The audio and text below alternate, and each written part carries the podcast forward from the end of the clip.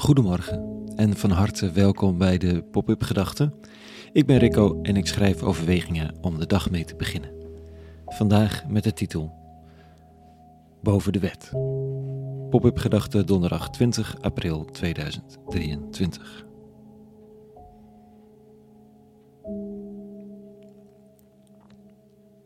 Niemand staat boven de wet natuurlijk. Dat zou wat zijn. Veel mensen doen alsof ze boven de wet staan, maar goed, dan komt de wetgever langs of de rechter met zijn toga. Of trouwens tegenwoordig de media. En dan krijgt de boel toch een staartje. Want niemand staat boven de wet. Toch? Er zijn er die zeggen dat de islam bedreigend is omdat ze geen respect zou hebben voor de nationale wet. Omdat ze de regels van hun God belangrijker vinden dan de regels van mensen. Wat interessant is, omdat dit precies is wat Petrus vandaag tegen de religieuze leiders van zijn dagen zegt, als hij zich moet verantwoorden over het feit dat hij over Jezus praat. We hebben het u toch uitdrukkelijk verboden, zeggen de machthebbers. Zeker, zegt Petrus. Maar men moet God meer gehoorzamen dan mensen. Dat is natuurlijk een gevaarlijke uitspraak. Kunnen we dan niet meer op je rekenen omdat je een gelovige bent? Dat je dan een beetje op je eigen houtje grasduint in de wetten en zelf besluit of je vindt of de wetten op jou van toepassing zijn? Ah, dat is natuurlijk wel de vrees. Zeker als God in een andere taal uitgesproken wordt, opeens Allah heet en je de mensen die de godsdienst beleiden niet zo goed kent. Maar dan is misschien niet de stellingname het probleem, maar het feit dat je de mensen niet kent.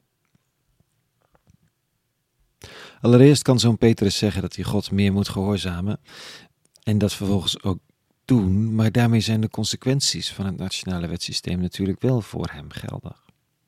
De gevangenis, de boetes of wat dan ook. En dat dan Extinction Rebellion-achtig blijmoedig ondergaan en, als het kan, vecht je het natuurlijk aan.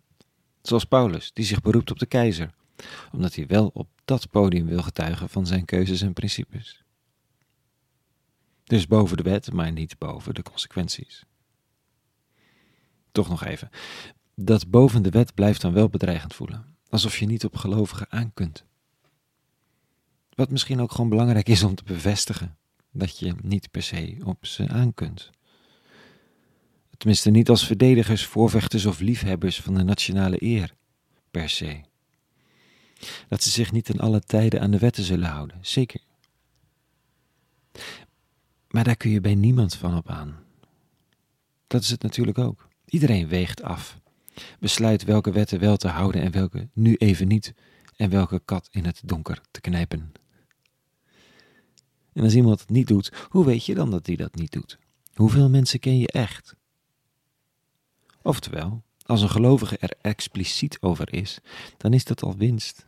Want we hebben allemaal momenten dat we ons boven de wet stellen. Het aardige van de gelovigen is dat er een goddelijke opdracht rust om in elk geval overheden te respecteren. En landswetten, niet als hoogste autoriteit, maar wel als autoriteit. Zowel binnen de christelijke als islamitische traditie bestaan die opdrachten. Tel uit je winst.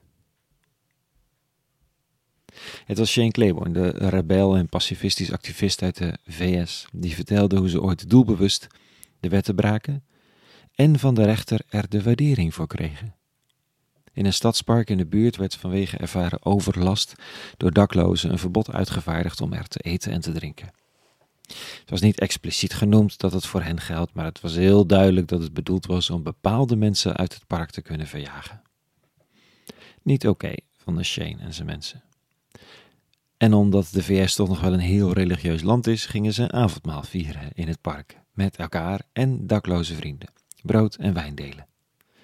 Daar kon je als gezagsdrager niet per se tegen zijn, een religieus ritueel. Toen het brood op was, begonnen ze andere dingen te breken en te delen.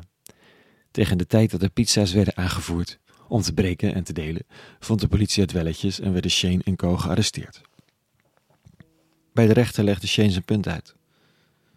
Dat ze Jezus volgde, die ook geen steen had om zijn hoofd op neer te leggen. En dat het niet oké was om zo met kwetsbare mensen in je samenleving om te gaan zegt de rechter. We hebben mensen nodig die onrechtvaardige wetten breken om te ontdekken dat ze onrechtvaardig zijn.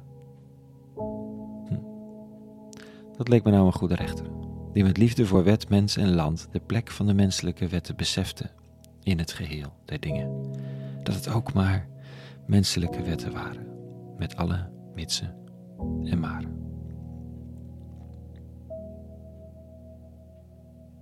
Tot zover even vandaag. Een hele goede donderdag gewenst. En vrede. En alle goeds.